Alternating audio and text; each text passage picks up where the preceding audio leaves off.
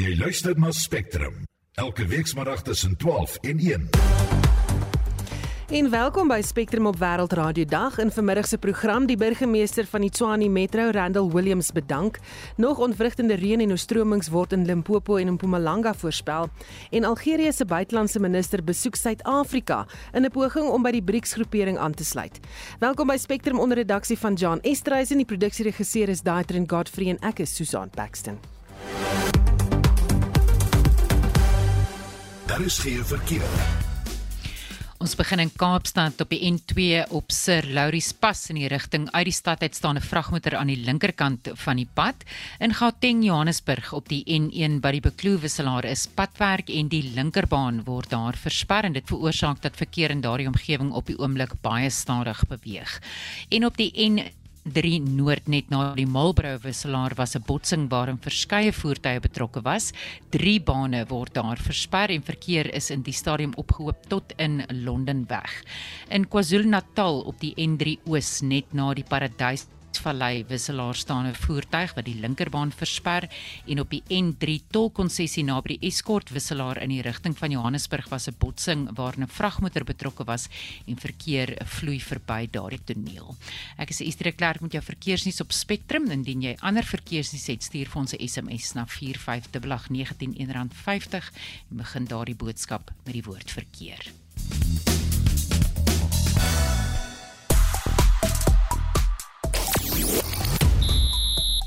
In sportnuus bietjie later, die Protea vroue sal moet uithaal en wys vanaand teen Nieu-Seeland.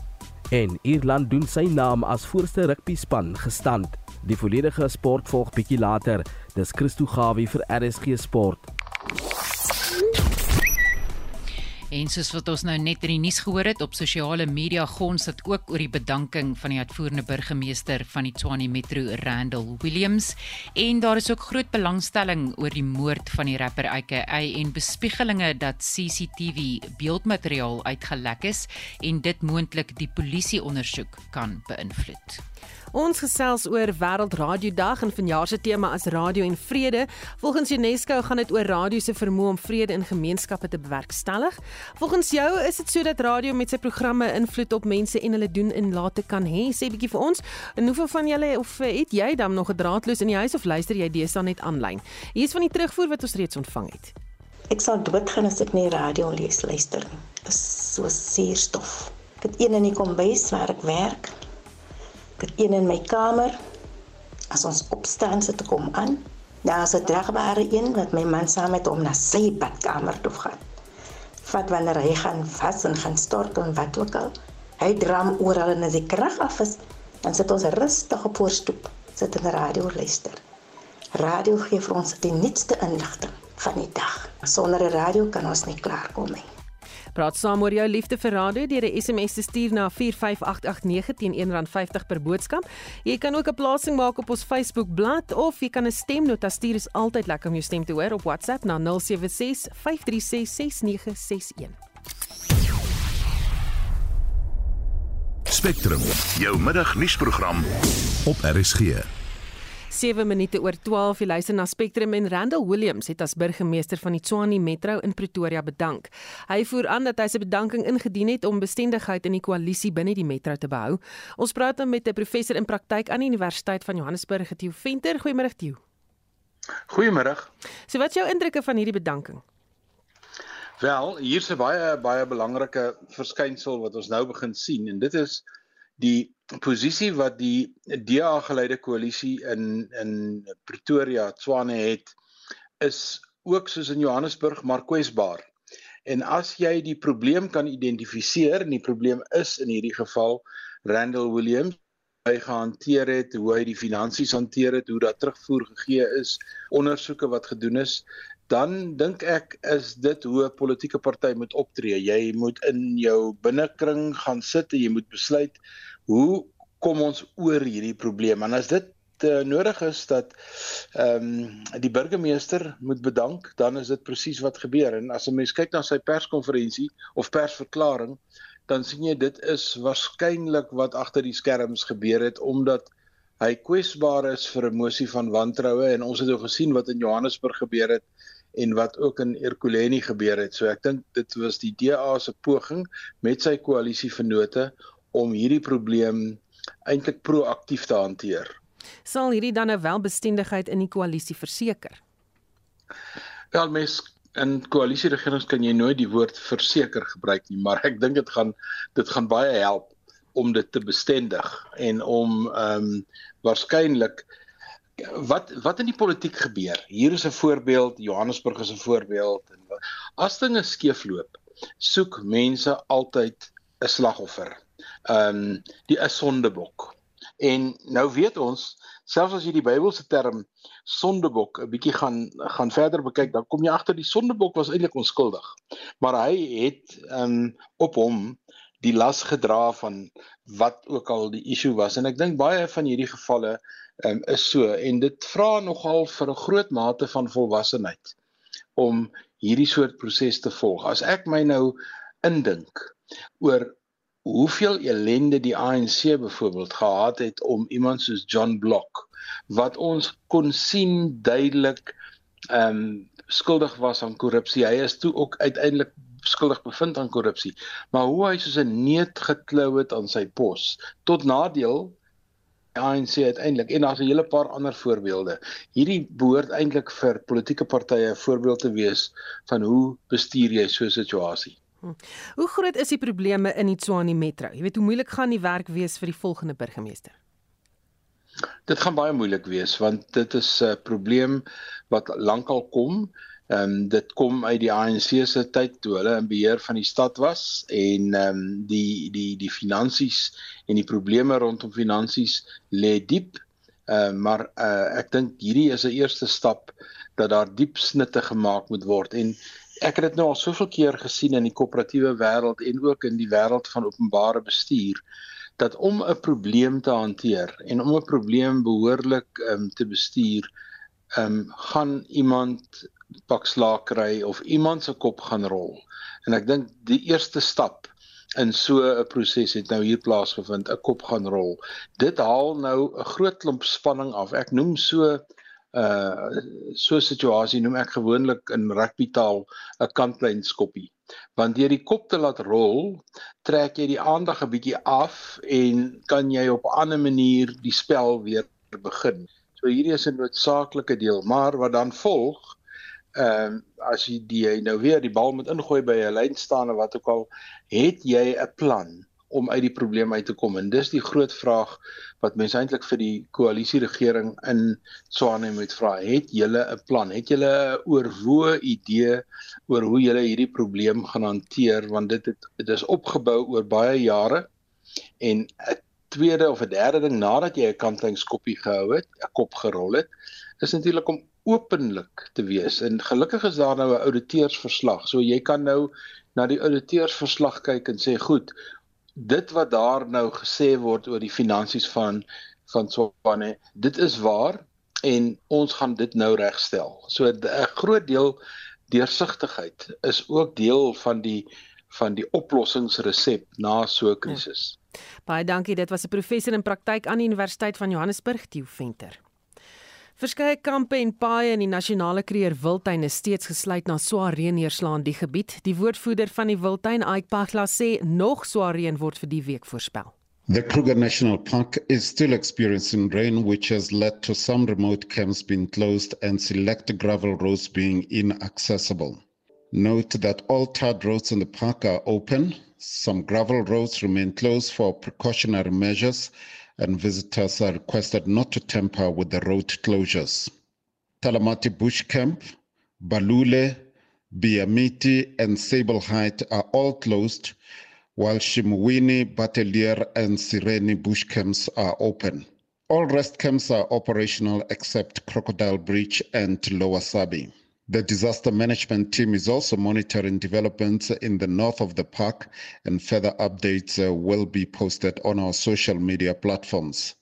The Skukuza airport is operational, and travelers should check in with their carriers and lodges. The situation is fluid but being monitored closely. We are happy at this stage that there have been no major infrastructure damages thus far but we will be able to do a proper assessment once the water has subsided. We still appeal for cooperation from the travelling public. en dit was die woordvoerder van die Kreer Wildtuin Ike Pagla. Intussen is daar 'n vlak 9 weerwaarskuwing uitgereik vir gedeeltes van Mpumalanga. Nancy O'Farrell van die besproeiingsraad in die Laagveld sê hulle verwag dat daar nog baie water in die riviere gaan afkom oor die volgende 3 dae. Wat ons wel weet op die oomblik is donderdag aand in die aand het verskillende plekke tussen 2 en 300 mm reën they recorded. So maar in totaal nog nie op die oomblik. Ons wag dan vir die syfers om we're going to put it on a spreadsheet and then pull everything in together. Dan dan van ons meer van 'n prentjie of hoeveel reën eintlik almal gehad het. Maar dit reën nog steeds. So julle is nog steeds op 'n waarskuwing as gevolg van al die reën? Ja, so um, ons het 'n waarskuwing gisterand ontvang. We still on in level 9. So daar is nog groot reëne op pad van hoog op tot die onder. So ehm um, in die al reën wat in die Skomanskloof area of op in die Elandsrivier, op die Kaaprivier. Al daai water kom in die krokodil in op die oomblik. Hmm. En dit vloei alles hier toe. So en gisterand of gistermiddag in daai area, die kloof area, het dit weer begin reën laatmiddag. So ehm um, al daai water gaan so plus minus 3 dae vat om onder uit te kom en dan gaan dit ook nog mooi van weg toe. So die moontlikheid die rivier gaan nog styg is baie hoog. Mense is altyd dankbaar vir reën, maar watse tipe probleme veroorsaak hierdie situasie nou? So met hierdie situasie is omdat dit so vinnig afgekom het en die rivier het ongelooflik vinnig gelig veral in die aand. Ek dink nie die mense kon anticipate dat dit so vinnig kon gebeur het. So pompe lê nou onder die water. Mense se pomphuise is onder die water. Daar is huise wat naby die rivier ehm um, you know the edges. So dit kan ook tot skade lei. Baie krag. Maar ja, vir ons arme boere, daar's boere wat se makadamia lande you can't see the trunk for the bark because mm. everything's underwater. So daar's groot skade. Enige raad vir mense op hierdie stadium? Ja, asseblief, monitor the level. Hy tel op en hy val um redelik vinnig. It's not over yet. Die volgende 3 dae val dit krokodil. Daar is nog water wat op pad is. The ground is very saturated at the moment. And we know the rule of gravity, everything goes to the sea. So please stay away from low-lying areas, from bridges, monitor what's going on, stay up to date with the local media, newspaper, all that kind of stuff to know what's going on. En dit was Nancy O'Farrell van die besproeiingsraad in die Laagveld. Will Scott Radley is die dagbestuur verteenwoordiger van die Onderberg Landbouvereniging en 'n boer in die Laagveld. Hy sê die grootste probleem wat hulle ervaar is dat hulle nie hulle produkte in die mark toe kan stuur nie omdat die paaie onbegaanbaar is weens die water die genommerde paaie sal ek noem is daar hier en daar paaie wat ons kan beweeg maar die paaie is in redelike toestand. Ek dink hier en daar seker gedeeltes is toe. Laagwaterbruggies is nog onder water wat nog stroom. Van die brug van hier en daar plekke het weggespoel wat ouens nie kan gaan nie beweeg nie. Wat dit dan behels is uh, ouens wat vrugte en en goed met 'n mark te stuur groente en mark te moet stuur kan nie beweeg nie. Hulle kan nie by hulle boerdery uitkom nie. En ek dink dis nogal 'n baie dringendheid om dit te herstel op die stadium Ja, ek dink plaaslike struktuur op die paaie self op die plase is maar jou gewone paai weggespoel hier en daar kan jy beweeg aan 'n plek en hier is die ouens moet maar 'n aksie maar om te herstel wat maar tyd gaan vat. En dan die ander ding is die strukture soos in ons is 'n besproeiingsgebied. Ons is afhanklik van besproeiingswater. Reën obviously help baie. Maar die reën is nou net te veel vir ons en dit vir die verspoeling is so baie ouens se pompe. Ek dink uh, op die Komati en Lumati rivier mm, omtrent al die boere se pompe is onder water en sekere pompe is weggespoel en bestaan nie meer nie. Suigpyp in die rivier in. Dit van hulle sommer afgebreek. Mens kan nie dink die krag van water hoe hoe dit sulke groot suigpype kan buig en wegspoel nie. As dit nou nou nog aanhou reën, jy weet, hoe gaan dit sake vir julle bemoeilik of kort julle die reën? Ja, of is nou dink ek is baie nat. Die aarde is nat. Elke bietjie reën is die grond is versadig. So daai water kom af. Ehm uh, dit loop versamel in in 'n uh, so die vlakke styg en daal maar soos dat die reën maar kom. Dit maak dit moeilik om in reën terwyl dit reën is so herstellingsstelwerk te doen. Dit is nou 'n moeilike aksie, maar mens kan ook mens probeer maar kyk waar jy kan, uh, wat mens wat doen. Ek dink die die groot probleem is met motors ehm um, wat onder water was. Kyk jy, dis 'n hele aksie en skakeltye, dit moet uitgehaal word. Motors moet uitgehaal word en gestuur word, gebak te word.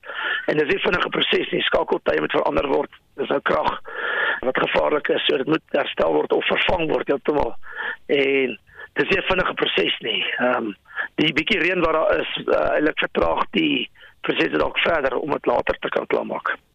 En dit was Will Scott Radley, dagbestuurverteenwoordiger van die Onderberg Landbouvereniging en 'n boer in die Laagveld.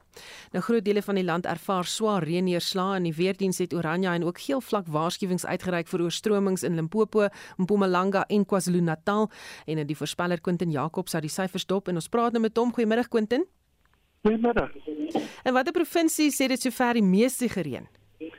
Maar as jy kyk na die reën vir Saterdag was dit KwaZulu-Natal Ek gaan net die plekke lees wat voor 100 gehad het. Uh Charters Creek vir 242. So, um Botswana, Lagveld 173, Riverview 135 en Richards Bay 165. En dan gister het die meeste reënval geval in Mpumalanga en Limpopo met Barberton met 93, Komati Draai 58, Lebodo 64 Toyanda 119 en uh, dit dit is saasie hier uh hier um 47 um millimeters in Chanin uh, Is daar gebiede ja waaroor jy bekommerd is Quentin?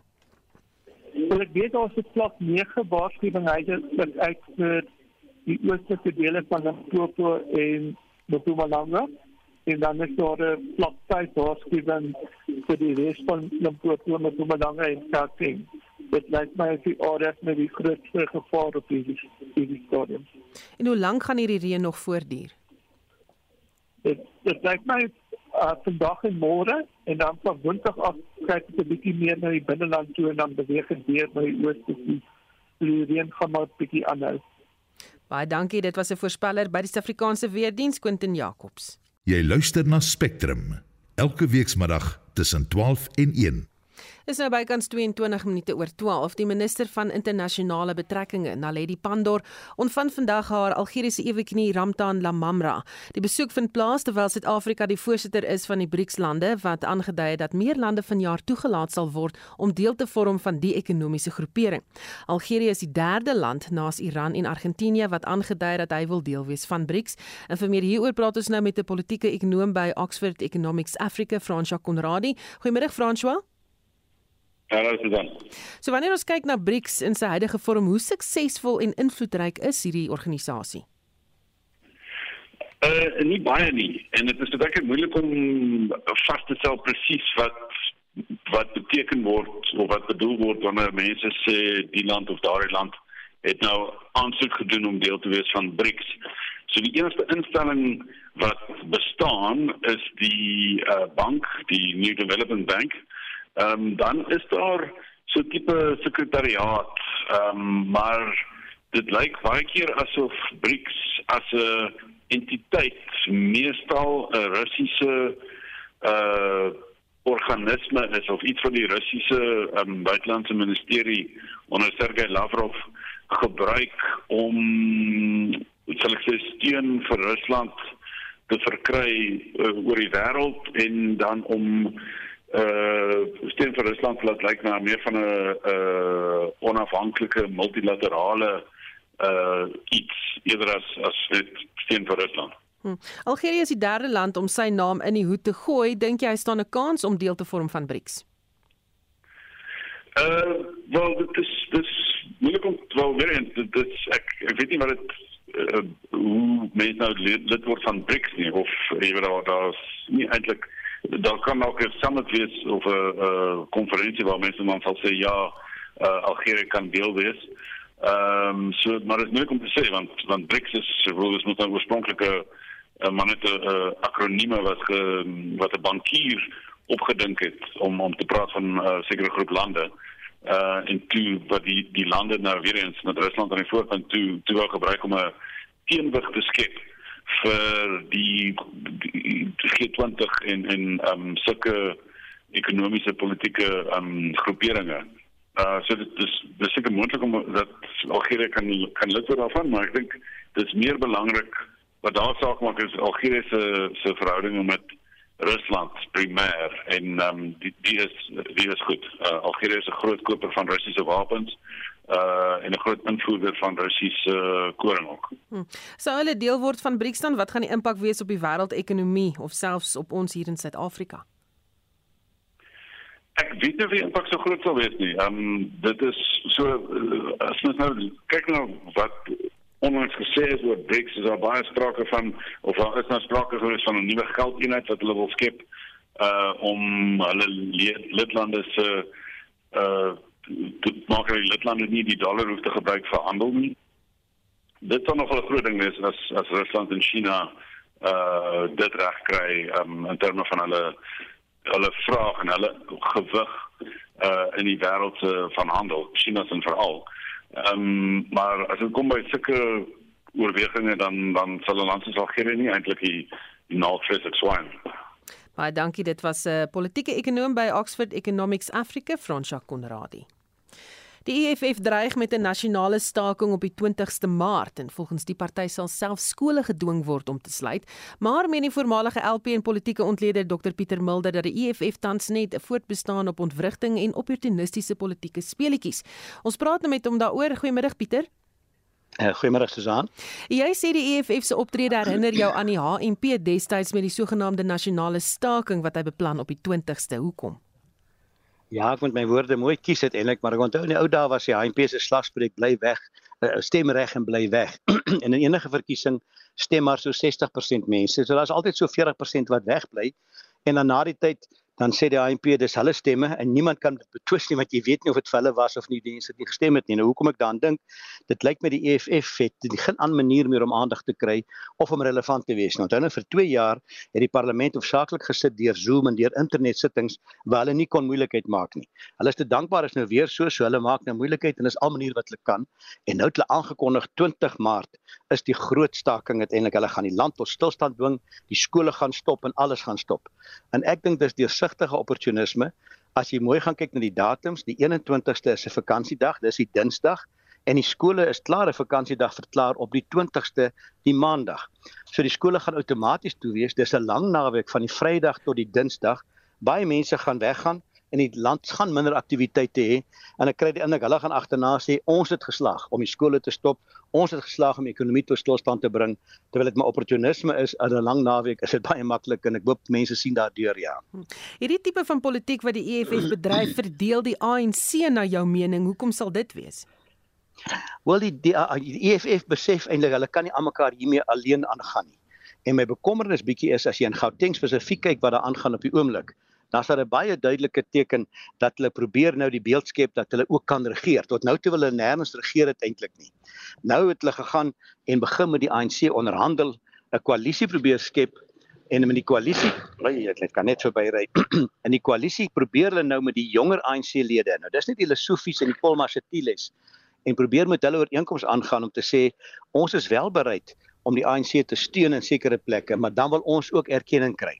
En die duidelike boodskap wat ek kry is in Gauteng op die oomblik is dit beslis moontlik dat die ANC onder 50% gaan kry in die verkiesing vorentoe.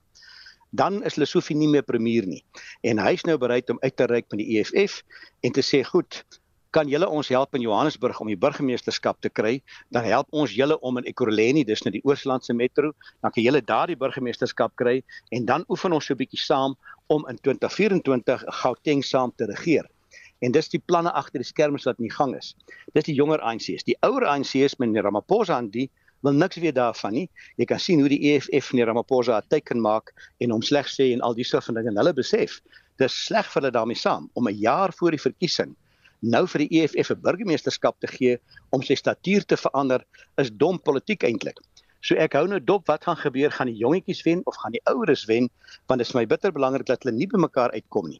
En dis wat dit jammer is as die koalisies nie gewerk het nie. Feit dat Johannesburg se koalisie in duie gestort het is jammer want nou gaan ons dalk 'n geleentheid kry waar hulle kan oefen om saam te werk en as dit slaag gaan hulle druk op Ramaphosa sit om te sê Nou hoekom doen jy net nie ook met die EFF in 2024 nie? Dit wil ons beslis nie hê nie. Hm. Dit is al geraak aan hierdie maar as 'n mens nou kyk na die besluit die DA, DA om nie saam met die EFF in Gauteng te werk nie, eh, so verloor hulle toe die burgemeesterspos in Johannesburg en dit is ook 'n besluit gedryf deur die ouer leierskap van die DA. Is daar dan nou 'n nuwe manier van hoe die politieke spel bedryf word wat eerder deur die jonger garde verstaan word?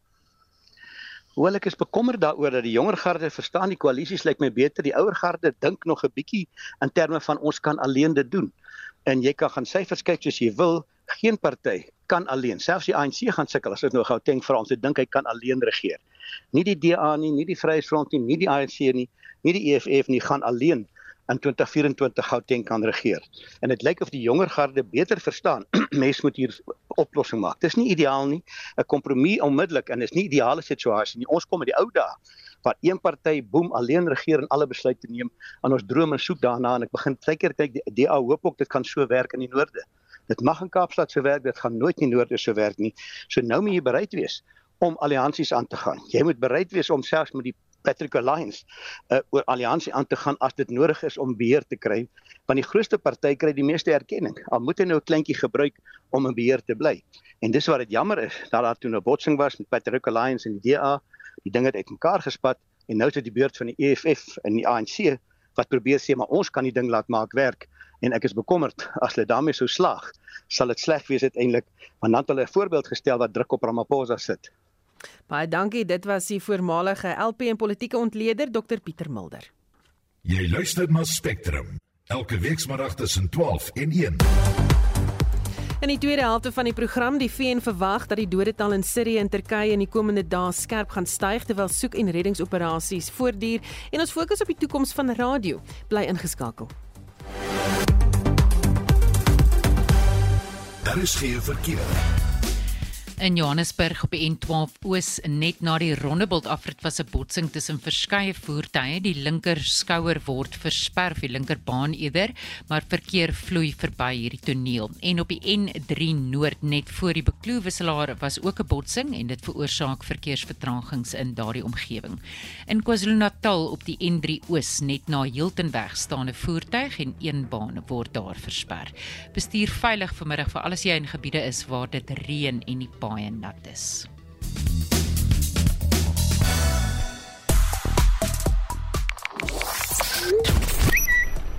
En internasionaal op sosiale media ons dit behoorlik nadat die sangeres Rihanna wat gisterand by die Amerikaanse voetballiga se Super Bowl opgetree het bekend gemaak het dat sy swanger is met haar tweede baba. Hm, goeie nuus vir haar, altyd goeie nuus as daar kinders is, maar ons praat oor Radiodag. Hier is van ons luisteraars op WhatsApp se gevoel oor Radiodag. Dis Kobe en saam met Cannibal, my British Bulldog, is RSG my grootste vriend en luister ek die meeste na hele wat my lewe bereik. Is seker so 12 ure 'n dag. Ek is Evelien. Ek ek luister elke dag en nag radio. Of dit nou krag onderbrekend is of nie. Ek is baie radio vir my huis en twee of drie wat op batterye werk. Dit is Antoinette hier van die Noord-Kaap.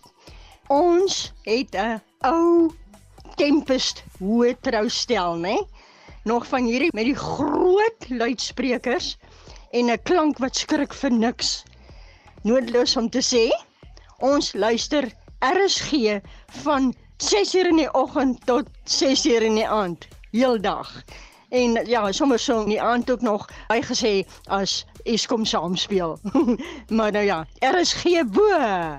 Ek vra nou al verskoning vir haar bure want dit klink vir my ons speel hulle daar.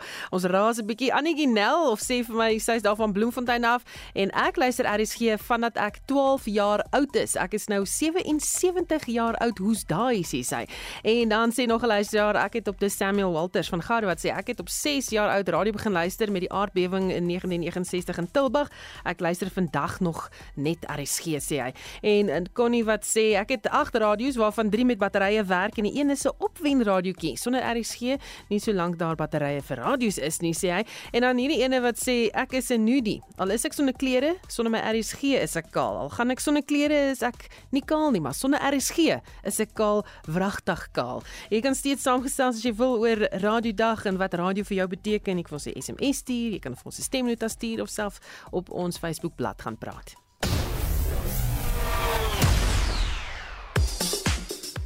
En ons beweeg na die sportveld met Christo Gawie. Goeiemiddag. Die Protea vroue kriketspan sal diep moet grawe vanaand om 7 uur wanneer hulle vir Nieu-Seeland in die Parel pak in hulle tweede Wêreldbeker kragmeting. Die SA vroue het teen Sri Lanka vasgeval in hul openingswedstryd Vrydag aand. Die Suid-Afrikaners sal baie graag al hulle volgende kragmetings wil wen om ten minste die halfeindronde van die toernooi te bereik. Vanmiddag om 3 uur pak Ierland en Engeland se vroue mekaar. Die nasionale vroue hokkiespan het vierde geëindig nadat hulle vasgeval het teen Nederland in die halfeindstryd van die binneshuise wêreldbeker toernooi. Nederland het Suid-Afrika 6-1 geklop in Pretoria. Die SA manspan is ook vroeër uitgeskakel toe hulle teen Nederland vasgeval het. In rugby het Ierland sy naam as voorste rugbyspan gestand gedoen deur Frankryk in hul 6 nasies kragmeting met 32-19 te verslaan. Frankryk is die verdedigende kampioen. Dit was die eerste keer in die geskiedenis van die 5 en 6 nasies reeks dat die wêreld se twee voorste spanne teen mekaar te staan kom. In ander 6 nasies aksie het Skotland vir Wallis met 35-7 oorrompel terwyl Engeland Italië gister met 31-14 getroof het. En dis Christo Gawie van RSG Sport. Jy luister na Spectrum op RSG. 24 minute voor 1 en soos jy vroeër gehoor het, is dit Wêreld Radio Dag vandag. Dis die 12de jaar wat dit gevier word en die tema van jaar is radio en vrede. Die VN beskryf radio as 'n baie belangrike platform wat deel is van die boustene van demokrasie. Ons praat nou met 'n dosent in ontwikkelingskommunikasie, journalistiek en media studies aan die Noordwes Universiteit, Hanlie Otto. Goeiemôre Hanlie. Ah, goeiemôre Susan en luisteraars. Hoe belangrik is radio as 'n medium? Ek dink geweldig belangrik. Ek dink 3 miljard mense ter wêreld kan verkeer steeds nie. Dis uh, die luisteraarssyfers wêreldwyd as jy kyk hoeveel mense elke jaar en elke dag inskakel na Suid-Afrika. Ja, dit is ook baie goed. Ons het so amper tussen 23 en 31 miljoen Suid-Afrikaners wat elke dag radio luister. So as jy net bloot op getalle gaan, dan sal ek sê dit is nog steeds een van ons mees gewilde uh populairste mediums. En daai lig wil ek dan vir jou vra, hoe gaan dit met radio as 'n kommunikasiemedium? So daarom dink ek gaan baie goed vir alles wat ons kyk na die verskillende konferensies wat staan met allerlei media. As jy kyk hoe ons um, radio ook weer staan elke toestel moontlik kan vind. Wat so 30% van die Afrikaners wat luister na radio via hulle selfone of hulle tablette. Uh, so amper 2% van die Afrikaners luister via hulle rekenaars of skootrekenaars. Meestal is maar nog dat mense op hulle motorkar radio luister of dan die draagbare. En ek dink veral in 'n land soos Afrika waar ons uh, natuurlik beerkrag ervaar, is radio veral gewild, veral as jy daai batterye aangedrewe radio van jou kan aanskakel. Sien net gou-gou weer hoeveel miljoen mense luister radio hier in Suid-Afrika? So ons het so amper 35 miljoen per week, maar ons wissel enigiets van 23 tot so amper 29 miljoen per dag. So, maar as jy gaan vergelyk media. Dink ek dat radio se reikwydte nog steeds ongelooflik groot is. En ons moet in gedagte hou in Suid-Afrika waar goed veel datakosse versprake is en uh, toegang tot ander tipe van tegnologie dat radio altyd 'n baie toeganklike en 'n gerieflike medium vir Suid-Afrikaners gaan wees. Ek dink as ons gaan kyk na iets soos gemeenskapsradiostasies in Suid-Afrika, dit is so om en by 800 Suid-Afrikaners wat elke week kan luister na radio hierdetaal en oor kwessies en sake wat vir hulle belangrik is. So, wat is die toekoms van radio? Ek dink dit is baie opwindend vir alles wat ons kan gaan kyk na as ek nou die Engelse term gebruik podcast of dan potgooi as jy wil.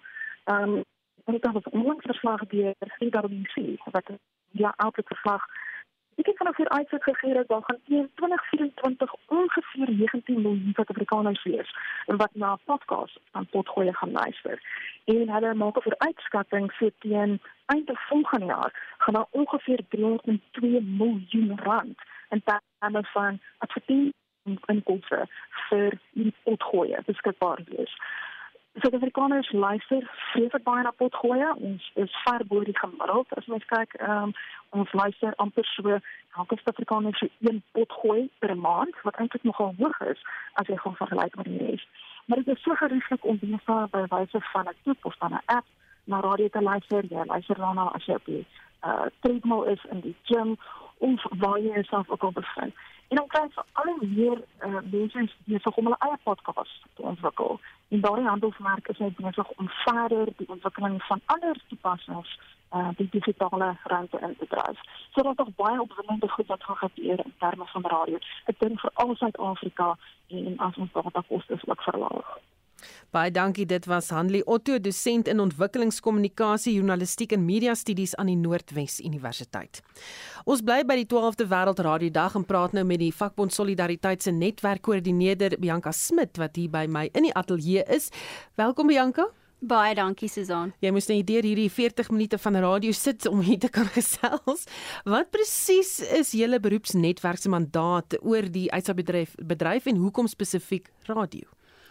Susan solidariteit is al lank baie meer as 'n vakbond. Ehm um, jy weet ons het ons het begin transformeer waar ons na mense binne hulle beroepe kyk en dit is juis hoekom ons hierdie beroepsnetwerke het. Nou die beroepsnetwerk vir kommunikasie en bemarking kyk spesifiek na hierdie beroep, nie net die omroeper of die uitsaai bedryf nie, maar elke liewe individu wat hier binne is. Soos ek vandag net weer ervaar het, dit is 'n hele klomp dele van 'n masjien wat op die einde van die dag hierdie een insetsel vir ons bring en dit is hoekom radio so belangrik is. Ons het nou vandag gehoor oor verskeie mense oor hoe belangrik radio in hulle huis is. Dit is iemand wie jy innooi in jou huis en in jou karre en dit is nog 'n stem.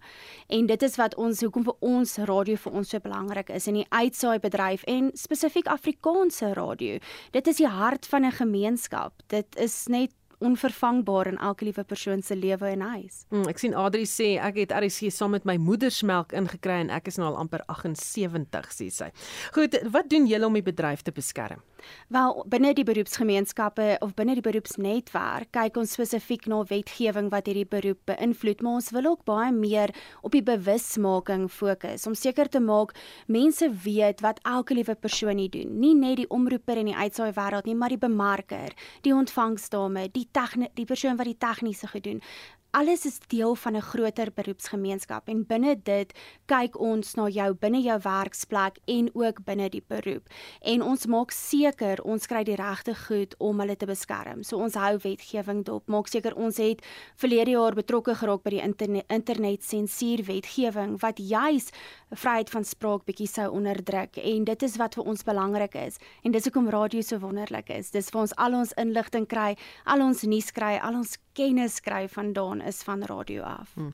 Julle het ook bemagtigingsprojekte in hierdie bedryf. Vertel ons bietjie daarvan. So binne in 'n beroepsgemeenskap het ons verskeie goed wat ons doen binne 'n beroepsnetwerk. So een van dit is spesifiek om jong mense binne die beroep te kry.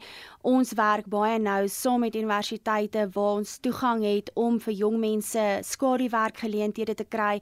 Ons het al vir jong mense blootstelling gegee aan hierdie ongelooflike wêreld van radio wat 'n passie ontlont het binne hulle.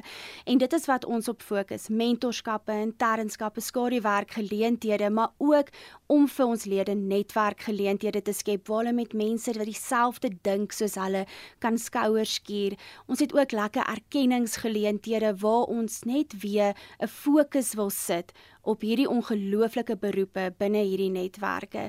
En soos ek sê vir ons as jong mense is die volgende generasie. So vir ons is dit definitief iets sterks waarop ons fokus en ook voortgesette leer vir hierdie jong mense. Regdeur van 'n kuns van kommunikasie reeks wat 'n lekker koffiebreek video's is want ons weet in hierdie beroepe jy het nie baie tyd om iets te kyk om julle bietjie te bemagtig nie. So ons probeer regtig 'n ronde pakkie vir ons lede bring. Hmm. As jy nou 'n boodskap het vir mense daar buite wat luister na die radio elke dag, jy het nou hier rondgeloop gesien hoe werk hierdie masjien om hierdie byvoorbeeld hier op die lig te kry, wat se boodskap sal dit wees? Wel, basies sal ek wees waardeer dit. So ons het nou gehoor vandag die mense waardeer dit definitief, maar vir my sal dit wees neem alles in. Neem alles in en die harde werk wat daar ingaan en wees dankbaar dat daar nog mense is wat 'n passie het om hierdie beroep uit te leef elke liewe dag om dit vir jou op die radio te kan bring. Al sê baie dankie dat jy hier was Bianca Smit, die netwerkkoördineerder van die vakbond Solidariteit wat uh, saam met ons uh, die 12de Wêreld Radio Dag kom vier het hier in die ateljee. Waar beter om dit te vier as op die radio.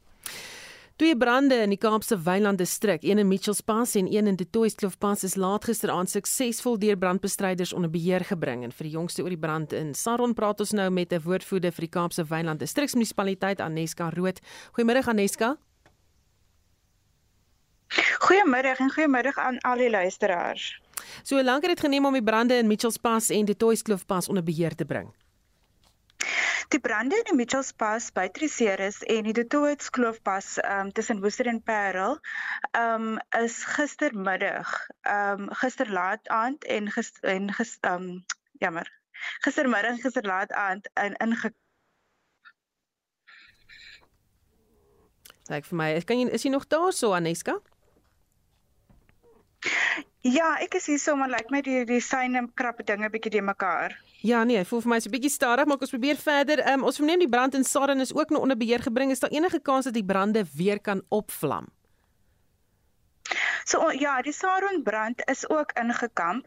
Ehm um, maar dit word gemonitor vir enige opvlammings. Daar is 3 brandbestrydingsvoertuie met 6 brandbestryders en een gekontrakteerde grondspan van NCC op die toneel vir die res van die dag ingeval daar enige um, opvlammings is omdat die weer vandag weer so 'n warme dag is.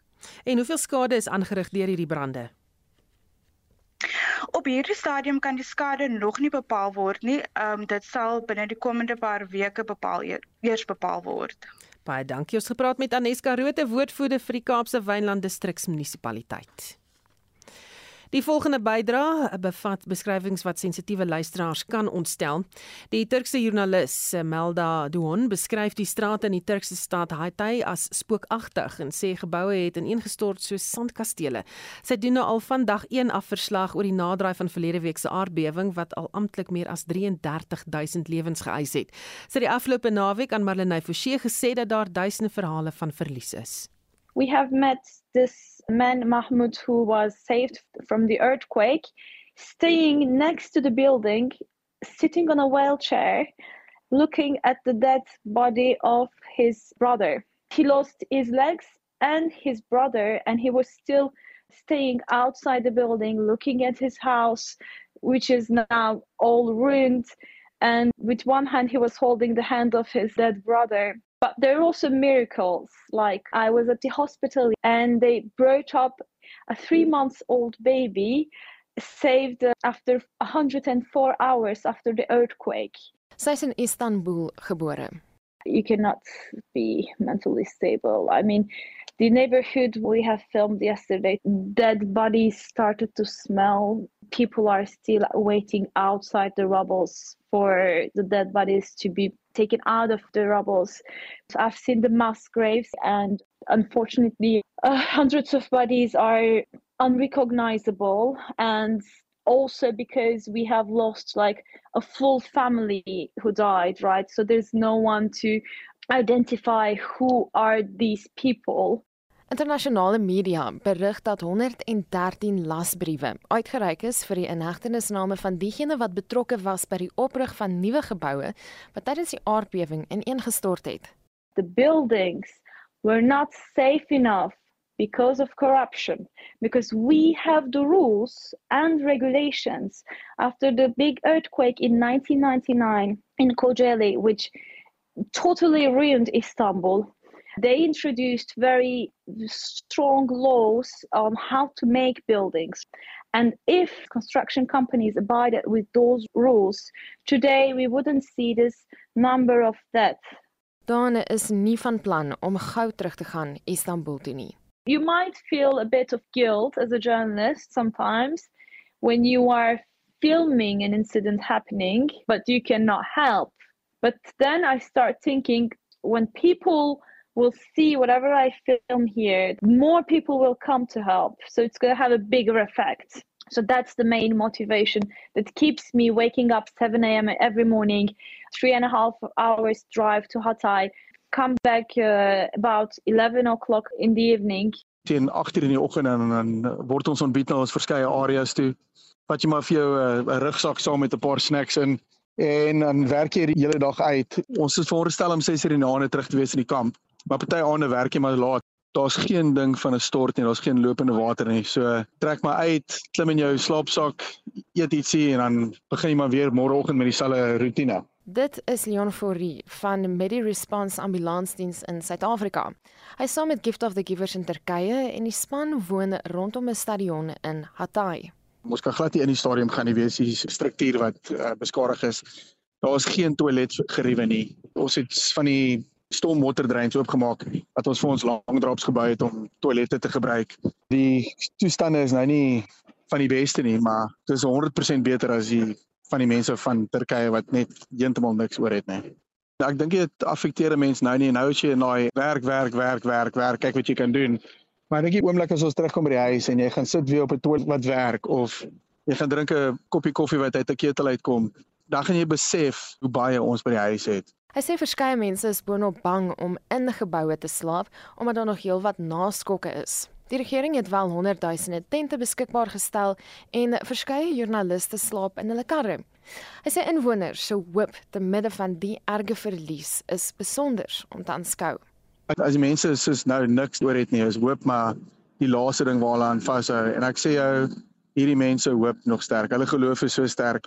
Ek bedoel ons kom op tonele, die geboue is letterlik in poeier en families staan langs die pad en kyk na die geboue. Jy kan sien ons nog hoop in hulle oë iets wat vir my so fantasties is, is hierdie mense het absoluut niks. Van die mense het die klere wat hulle op hulle rug het.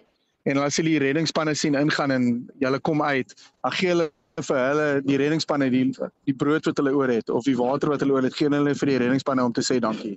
En dit is vir my net so fantasties dat mense wat absoluut niks het, nog steeds bereid is om iets uit te gee net om te sê dankie. Dit was Leon Fourie van Medi Response Ambulansdiens in Suid-Afrika. Ek's Marlene Forsie vir SAK nuus. Terug na een van ons vorige berigte, die Verenigde Nasies sê hy vrees dat die dodetal in Sirië en Turkye moontlik kan verdubbel, soos wat reddingsspanne steeds onverpoos hierdie pyn na oorlewendes soek. Suid-Afrika se nie-regeringsorganisasie Gift of the Givers het 'n dag na die aardbewing na Turkye gevlieg om te gaan help, en Esie de Klerk berig. Die stigter van Gift of the Givers, Dr Imtiaz Suliman, sê die organisasie se reddingsspanne het nou in 3 groepe verdeel. Een span reis saam met 'n Chinese reddingsspan, een saam met 'n Turkse reddingsspan en een saam met 'n span van Oman en snuffelhonde is versprei tussen die 3 spanne. Every area they're going, the scent is picking up hundreds of people buried within the rubble. The death toll is certainly far higher than the 30,000 stated thus far. Many bodies will not be able to be recovered from the building. The buildings are very unstable, have totally collapsed in an area where the population collectively is 15 million. Suliman sê die spanne het gister slagoffers gevind en die impak wat dit keer op keer op die reddingsspanne het, is traumaties. Our teams yesterday retrieved 3 bodies, 2 adults and a child. Today they retrieved a mother and a 16-year-old daughter and the mother and the daughter were hugging each other. When they took them out they found them in that position. These kind of pictures has an emotional and psychological effect on rescue teams who see the pain and the suffering. The stench of decomposition is now starting to increase.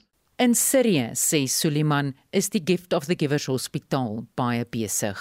The Al-Rahma Hospital combined with the Hilal Hospital has received 650 casualties, of which 200 were admitted and of which 247 were deceased. Further information is that the other parts of Syria, there are 11,000 casualties and 2,200 deaths.